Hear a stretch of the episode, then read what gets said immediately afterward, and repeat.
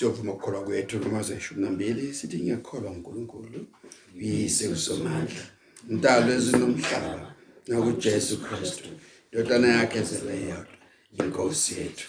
Wamukelwa kumoya ingcwele wazalwa intombi uMaria wahlupheka kuButi Pilato wabethelwa esiphambanweni wafa wembele wehlela esihogweni ngosuku lwesithathu wabuya wavuka kwabafileyo wenyukela ezulwini ehleli ngasokunene sikaNkulunkulu uyise somandla lapho yakuvela khona ezothetha amacala. Abahleziyo nabafileyo. Ngiyakholwa umoya ongcwele ngiyakholwa kwibandla likaKristu elingcwele elilingizweni zonke. Nakho kokuhlangana kwabangcwele ngiyakholwa ukuthethelwa kwezono. Nakho kuvuka umzimba nakho kokuphila okuphakade. Amen. Sikhuleke. Nkulunkulu baba isenkosi ujesu nangalolu suku suku wavuka ngalo suku lokukhonza usuku lapho wonke umhlaba uthula phambi kwakho. Vuma ngizwe lodwa ukuthi uJesu Kristu inkosi kube inkazimulo kuNkulunkulu Baba. Nathi kule ndawo sihlangene ngezwi lakho. Sizofuna ubuso bakho sizofuna indlela emhlophe. Sithi inkosi sizwe. Inkosi silalele.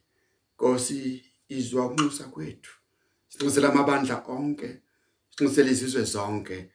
Kuba inkosi yami sikwazi ukukhuleka ukukhululekileyo sikwazi ukukhonza ngokukhululekileyo. Siyathandaza egameni likaJesu ukuthi isifo esibekele umhlaba wonke ngegama lika Jesu siqalekiswe sisuswe phakathi kwethu. Kube khona ukuphila kube khona chichime. Ugcwaliseke izwi lakho shilo wathi uze kuba sibe nokuphila sibe nakho chichime. Lokuphila esikuthandazelayo. Lokuphila esikulangazele kakhulu lokuphila esikomele njengendluzela ifuna amanzi nathi somele ukuphila. Izwe lakithi liyakhala lishonelwe ngabantwana madodana namadodakazi obaba nomama izihlobo nabangani ogogo nomkhulu bashonile. Abanye bagcwele izibhedlela bayagcwala. Basebenzi bezempilo baxakekile. Abazi bazothathana bahlanganise nani. Ngoba inkosi yami izwe lakhe lihlaselwe isifo ilesikhathi inkosi sibuyela kuwena sithi inkosi sihawukele inkosi siphilise. Ukuphila kuyovela kuwe. Shila izwini lakho wathi masikhulekele ukuphila singakhulekeli ukufa. Simemezela ke inkosi ukuphila phezulu kwezizwe zonke zase-South Africa phezulu kwemindeni yethu phezulu kwabahlobo bethu. Simemezela lokuphila sithi manje inkosi sekwenele. Phakamise isandla sakho uxoshe inkosi yami ukugula okuhlasele izwe lakithi. Umoya wokugula umoya wezifo unqamuke bese siba nokuphila sibe nakho ukuchichima siya izwini lakho manje. Khuluma lelo lizwi inkosi solalela. Khuluma enhlizweni zethu. Khuluma siphenduke. Khuluma sitshintshe indlela yethu. Khuluma silambele wena. Khuluma sikufune. Sisenokuthola sisenokutholwa. Sibusise. Sigcine esandleni sakho siphe konke lokho kanye noKristu amen amen Bazalwane kule nkonzo yanamhlanje na ekseni sofunda izwi ezindaweni ezimbili ezahlukeneyo. Sofunda izwi kaNkuluNkulu encwadini kaJohane. Umvangeli uJohane. Isahlukeni seshumi. Sifunda indima yeshumi elinane. Sesime kweshumi elinesithupha. siphinde futhi sifunde izwi encwadini yamahubo ihubo 23 siyolifunda lonke lelo hubo. Ivangeli ngokuloba kaJohane kufundeka kanjena esahlukeni seshumi verse 11 to 16 Ngingumalusi omuhle. Umalusi omuhle udela ukuphila kwakhe. Ngenxa yezimvu. Okhokhelwayo engesiye umalusi izimvu zingesizo ezakhe. Ebona impisi iza ushiya izimvu abaleke. Impisi ize izidlozomele zihlakaze izihlakaze. Ngokuba engokhokhelwayo engazi nakekeli izimvu. Mina ngingumalusi omuhle. Ngiyazazi ezami nezami ziyangazi. Njengakuba njengalokhu ubaba uyangazi. Nami ngiyamazi ubaba. Ngidela ukuphila kwami ngenxa yezimvu. Nezinye izimvu nginazo ezingesizo ezalesi sibaya nazo ngimelwe ukuziletha ziyakuzwa izwi lami kube umhlambi munye nomalusi munye. Ihobo 23 skwela ku1 kuya ku6 Jehova ungumalusi wami. Angiyi kweswela. Yangilalisa emadlelweni aluhlaza. Yangiyisa ngasemanzini okuphumula. Ubuyisa umphefumulo wami. Yangihola ezindleleni zokulunga ngenxa yegama lakhe. Noma ngihamba esigodini sethunzi lokufa angesabi okubi. Ngokuba wena nami tonga yakho notondolo lwakho ziyangiduduza lungise itafula phambi kwami. Ebusweni bezitha zami. Gcoba ikhanda lami ngamafutha. Indebe yami iyachichima impela okuhle nomusa kuyangilandela. Imihla yonke yokuphila kwami yohlala endlini kaJehova kuze kube phakade. Izwi lakho lelisimakade libeke enhlizweni zethu ulilobe khona ingunaphakade. Amen. Ngibingelela ke nonke bazalwane egameni lenkosi uJesu. Amen. Namhlanje na ngithande ukuba sibheke indaba yomalusi. Njengokuba sithola izwi kule ndawo esithole kulona Izwini lokuqala sibona sizwe uJesu uqobo lwakhe ethi yena ungumalusi. uJesu akakhulumi ngaye njengomalusi nje kuphela kodwa uthi umalusi omuhle. Andisiyavela isizathu ngenzansi sokuthi why ezibiza ngomalusi omuhle. Ngoba uyakhuluma ngomalusi okhokhelwayo. Umalusi oqashiwe ukuthi ezobheka izimvu. Uthi loyo umalusi akamuhle ngoba makuvela ingozi uma kuvela impisi uyabaleka acashe. Bese ziba sengozini yokudliwa impisi zibaleke izimvu. Sihlakazeke. uJesu yena uthi umalusi omuhle uze athi udela ukuphila kwakhe ngenxa yothando analo lwezimvu zakhe. Dela ukuphila kwakhe. uJesu usho lokhu esikubonile edela ubukhosi edela ubudodana basezulwini. Ezozithoba. Sho njalo uPaula uma ekhuluma kwabaseFilipi uthi mokubekini lomqondo okwakukhona na kuKristu Jesu owathi nesimo sikaNkuluNkulu akaze asho ukuthi kuyinto yokuphangwa ukulingana uNkulunkulu kodwa wazithoba elalela kwaze kwaba sekufeni. Ekufeni kwesiphambano. Ilokhu kuyakushoya ukuthi ngingumalusi omuhle odela ukuphila kwakhe ngenxa yezimvu. Vikela ulondoloza nakekela izimvu zakhe kuze kube sekufeni. Ngelanga lithi izwi uma likhuluma ngokubalekela nokulwa nesono nokona ithi nikamelani nesono kuze kube segazini. Jesu unakekela izimvu zakhe kuze kube segazini. Okhokhelwayo engesiyo umalusi wangempela akanjalo. Uma qhamuka ingozi uyabaleka azishiye. Uma qhamuka isilwane uyabaleka azishiye.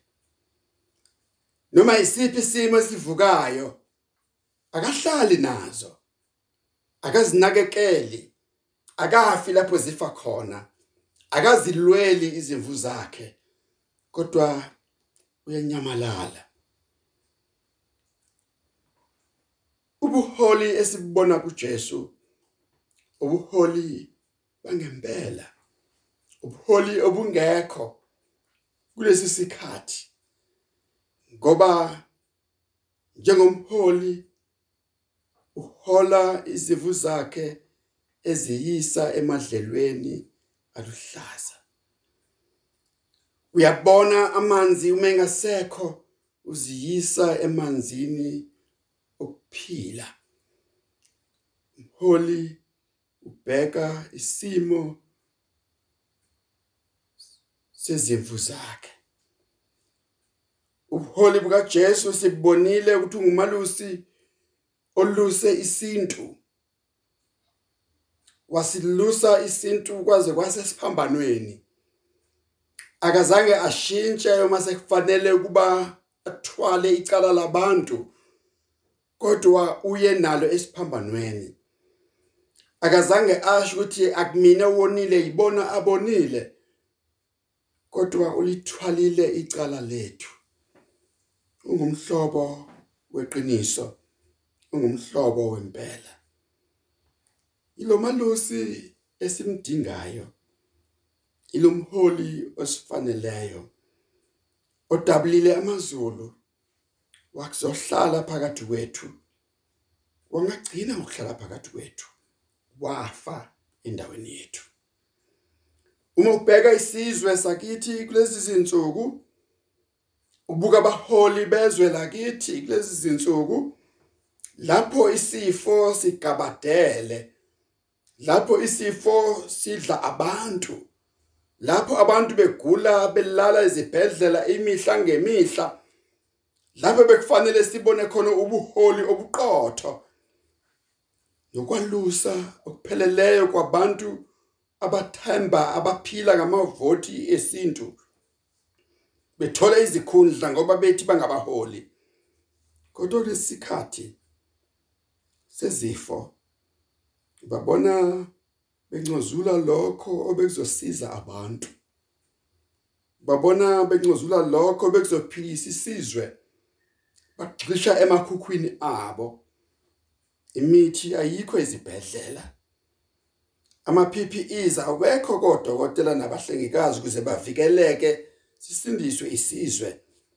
Kodwa konke bakufake emakhukhwini abo. Ukukhomba ukuthi abasibona abelusi bangempela. Abasibona abaholi beqiniso. Kodwa bangabantu abakhokhelwayo. Bakhathalela izisu zabo. Bakhathalela abazokufaka emlonyeni. uJesu uthi akasiye umholi okhokhelwayo. Uyafa endaweni yemvu yakhe. Ungumalusi weqiniso ungumalusi wangempela. Bekuyilesi sikhathi lapho bekufanele kuba isizwe. Nesintu sonkana sifune umholi onjengoJesu. Sifune umholi weqiniso. Sithandaze kuNkulunkulu ukuthi inkosi siyasinabo abaholi. Ingakho sibulawa izifo ingakho sibulawa nayigebengu nokubala njena kuyasihlasela. Ngoba bekufanele bame bamele isintu banake izisu zabo. Basebenzela izidingo zabo. Ingakho bekufanele ukuba sithole umholi wangempela. Onganakekeli lokho kuphambi kwakhe kuphela. Uthi nezinye izimvu nginazo ezingezona ezalesibaya kodwa nazo futhi ngizozilanda. Zibe mhlambi munye zibe malusi munye. Ingakho lokhu kungidedela endabeni yethu yesibili esiyifundile namhlanje na bazalwane? Lapho obekufanele wena njengomuntu walesikhathi ubheke kuKristu ubheke kuNkulunkulu wethu ubheke kuNkulunkulu weqiniso ubese uzibuza ukuthi ngabe uyena yini engithembele kuye. Ngoba lithi iBhayibheli uqale kusiwe umuntu othembele ebantwini okungekho okusizakala kubona. Bekufanele kulesikhathi uthi noma bekhona laba bantu abangabelusi bamanga nabelusi benkohliso nabasebenzele izisu zabo nezisebenzi ezimbi ezibheka inzuzo. Kodwa mina uJehova ungumalusi wami. Jehova ungumalusi wami andangesweli angesweli ngoba ngayithatha impilo yami ngayibeka kuNkulunkulu weqiniso ngayithatha impilo yami ngayibeka kusimakade ngayithatha impilo yami ngathi inkosi Jesu ngaluse uma usho kanjalo alibongwe igama lenkosi ngoba usendaweni ephephile usendaweni enakekele enakekelike kahle. Sho njalo umhlabeleli wakithi uthi ngilondolozwe kahle. Ngikuwena Jesu. Ngisengalweni yakho ngiphethwe nguthando. Uthando lungivikelayo uthando luxosha izitha uthando olungigcinayo. Angisoze ngaswela. Ngoba uyawazi amadlelo alihlaza engifanele kuba angilalise kuwona.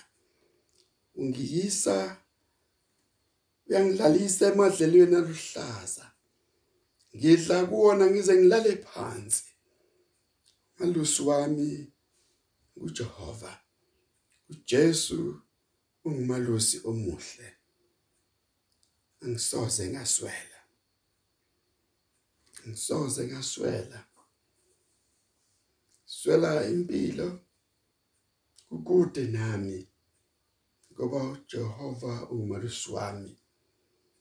Ukuswela kunakekelwa kukude nami ngoba uJehova ungumalisi wami. Uma uJesu ekhuluma esesiphambanweni uthi baba esandleni sakho ngibeka umphefumulo wami. Ngoba uyazi ukuthi ukubeka kumdali omalusa ngokupheleleyo idloku esiyikona. Silondolozwe ngalendlela ukuthi asizohlwithwa amandla obumnyama asizohlwithwa ngusathani nezingceku zakhe amadimoni kodwa impilo yethu ikusesandleni esiphephile esikasimakade. Uyangiyisa esemanzini okuphumula. Ubuyisa umphefumulo wami.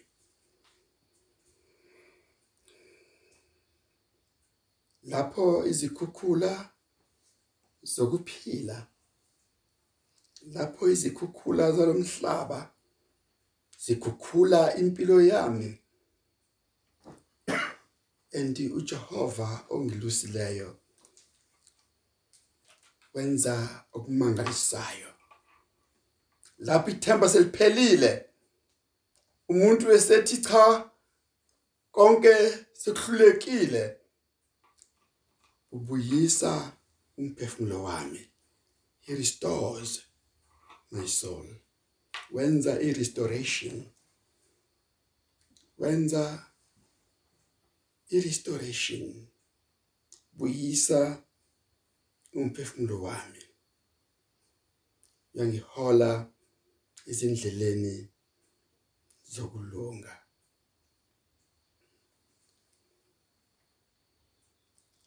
Akangiqhubi njena. Lo malusi akangiqhubi njena. Uyangihola. Izimvu zami ziyalazi izwi lami. Sho njalo uJesu wathi ziyalazi elakhe izwi. Njoba yena emazi uyise naye uyaziwa uyise. Ngifuna ukuthini bazalwane namhlanje na ngifuna ukuthi mhlawumbe ubusukhohliwe. Mhlawumbe impilo yasemhlabeni ibisimnandi kakhulu wakhohlwa uJehova. Waziphilela umathanda. Nangumalusi nangu Jesu. Nangu Jesu. Iza kuye. Buyela kuwe. Isho nabahlabelelayo abathi Jesu ngibuyela kuwe. Nabo bonke ububi bami. Kamukele ngomsa wakho. Ususe zonke izono zami. He will restore your soul. Uzokubuyisa umphefumulo wakho. Uzokunikeza ithuba lokuphila. Isikhathi sokugula lesi bazalwana singakhohlisani. Isikhathi seanxiety. Lapho abantu bonke bedidekile abanye abasaguliswa iCovid nje. Kodwa sebeshawa ukuthi umoya wokugula mningi. Ubabonile abantu bewa ngapha nangapha kwakhe. Ithemba laphela kodwa ngithi mina lingapheli ithemba ngoba ubuyisa umphefumulo wami. Yangihola ezindleleni zokulunga. Udinga umalusi onjena. Bekufanele ukuthi nginoJehova mina ongalusayo. nginoJehova mina. Noma ngingenalutho ke ngaliveza kuye kodwa ukwenza lokho ngenxa yegama lakhe. Ukwenza lokho ngenxa yakhe uqobo ngoba ushilo othi yena ongumalusi akasoza sishiya akasoza silahla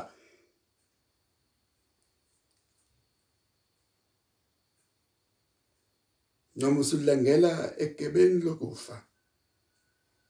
Ngifuna ukukhuluma nawe mhlobo wami namhlanje na. Noma ngabe usesibhedlela bayakushalazela nakade bezokusiza bezempilo bahambela kude nawe. uJehova ungumalusi wakho. Imbize imbize ungumalusi kuloko kuphila. Ungumalusi nakukho kuphila okuzayo. Ngoba uma uzohamba kulowo mbhede olele kuwona uyapi? Uyapi? Uyayazi indlela ohamba ngayo.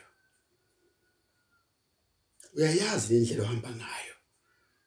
Bekufanele umemeze uthi ngiluse manje. Ngiluse manje. Ngiyakudinga manje. Bengikushalazela sonke lesikhathi inkosi kodwa manje ngiyakudinga. Hlabelela kanye nathi uthi bamba isandla Nkosi uma ngingedwa inzima ifiphele indlela yami. Bamba isandla khona Nkosi ngeke ngesabe noma kumnyama phambi kwami. Ngithi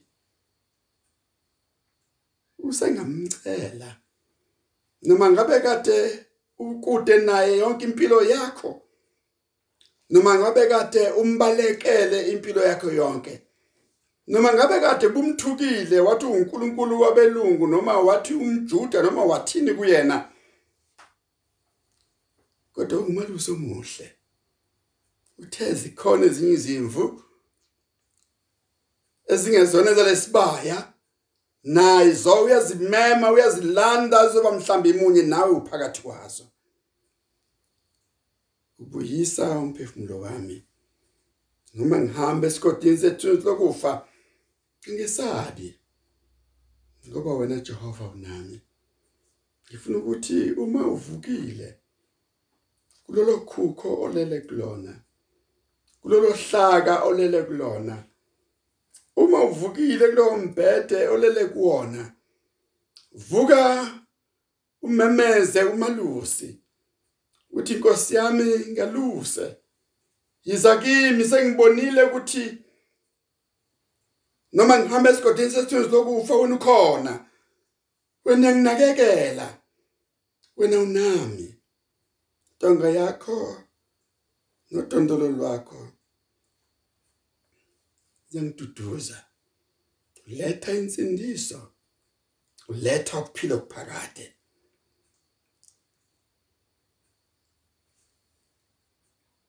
Lokhu kunikeza ithemba ukuthi ngizovuka ihambe ezweni labaphilayo ngoba uJehova ungimalusi wami.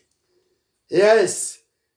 Letha lelo themba kuwena namhlanje namhlobo wami uthi iza kuJesu yiza kuyena yiza kumsindisi yiza nazo zonke izono zakho kuba yena usawenza umsebenzi wakuphalazela igazi lakhe laphalala eGolgotha ngenxa yakho. Kulesikhathi muvume mamukele isho nawe. Uthi Jehova ungumalusi wami. Soze kuswela ukuphila. Soze ngayiswela impilo. Isho nawe ukuthi ngizovuka kule ndawo yena uzolungisa itafula. Sizoba nedili.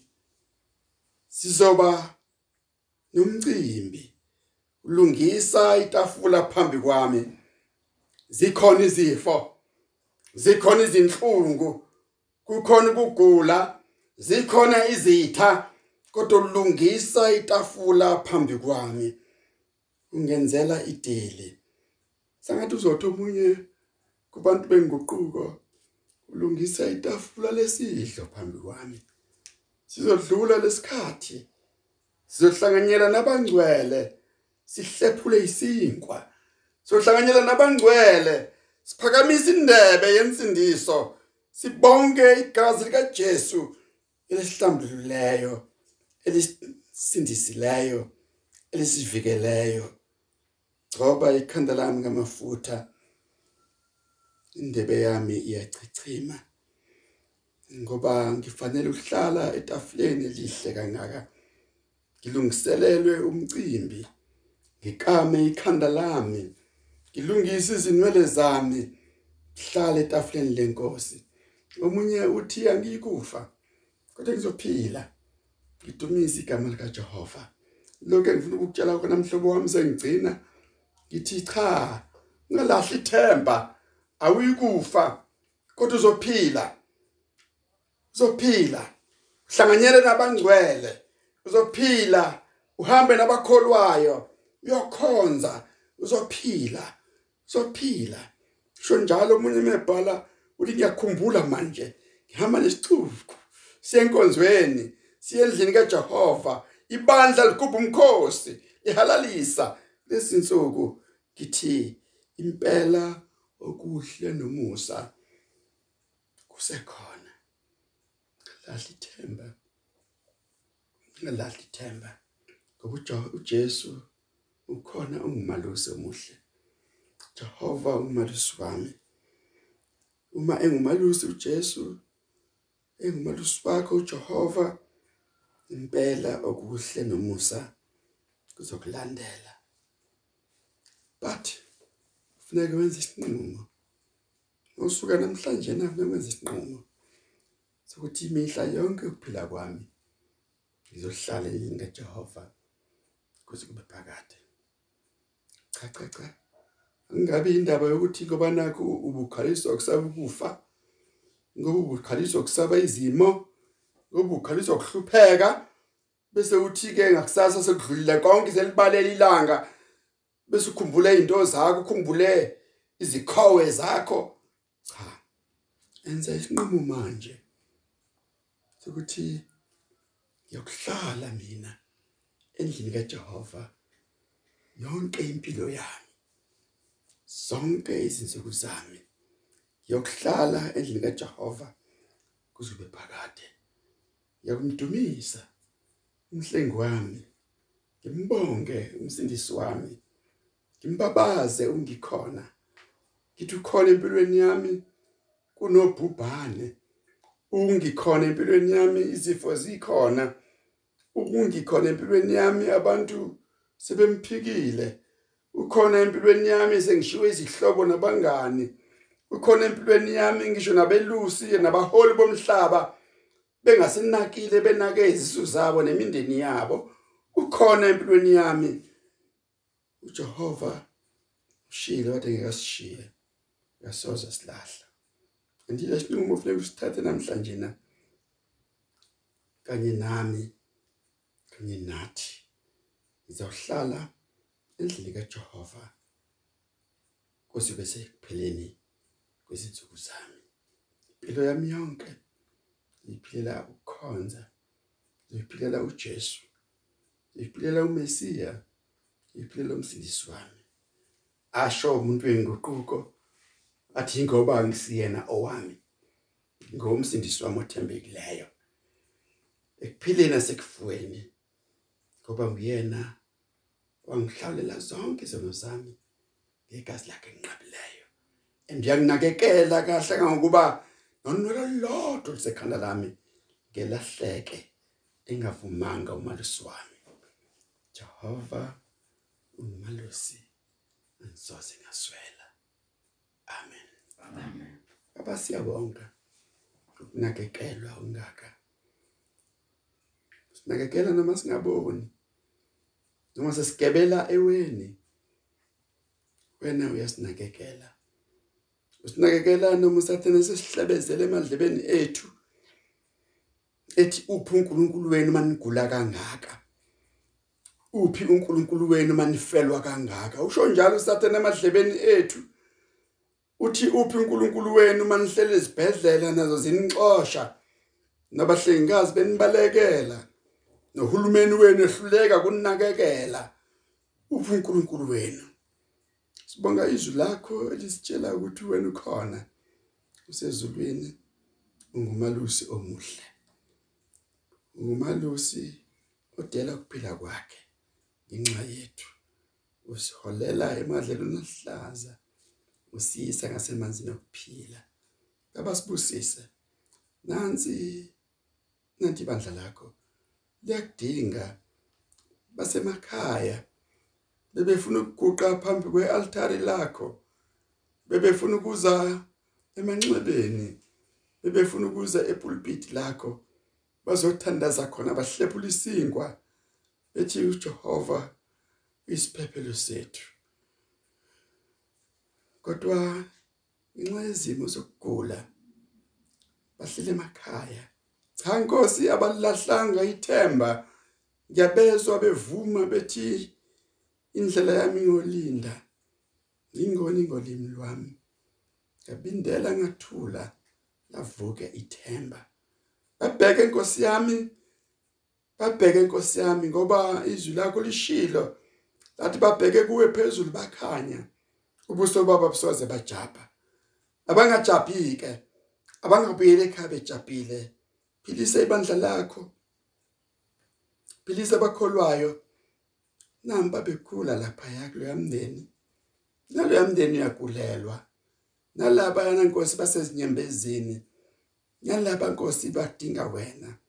Sibabeka kuwe lenkonzo bonke sebehlabekile nalabo bangakaguli kodwa kuthiwa sebeteste positive sibabeka kuwena. Sithi Nkosi basindise. Nkosi baphilise. Nkosi bavuse. Isho Nkosi yami uthiki goqa ucansi lwakho uhambe. Thatha uhlaka lwakho uhambe. Ngoba ususindile isho njalo kwizwe lonke lase South Africa eligulayo. Isho njalo kumagumbi onke ahlaselekile. Ukuphila kuyoza ngawe. Sivuseke inkosi Masiqala lesonto siqala ukuza indaba ezintsha ukuthi ukufa sekubalekile. Ukufa kusekho kodwa sekukhona ukuphila ukuze sihlale endlini yakho sikukhonza ukuze sihlalele ukukhonza wena wedwa. Sithetheleleke iziphambeko zethu namacala ethu. Sime singcwele phambi kwakho nxa kaJesu. Buyisa ithemba kuba bonke abakholwayo kuso sonke isintu samaKristu. Kulo lonke ibandla lakho. Kubo bonke abavuma igama lakho. Yes uyisithemba Nkosi. Nakulabo abangakholwa othe nabo bayizimvu zakho ezingewesinye isibaya nazo zoziletha usihlanganise sibe mhlambi munye. Uyisithemba kwabantu bakho. Angabikho salayo angabikho lahlwayo ngoba wena ungumalusi oqotho ungumalusi wangempela. Sibusisa Musa inkosi yethu Jesu. Thando lika Baba uNkulunkulu. Inhlanganyelo kaMoya Ingcwele. Akube nani nonke. Kugcine kulondoloze. Kulivikele. Azafike uJesu Kristu inkosi yethu. Amen. Amen.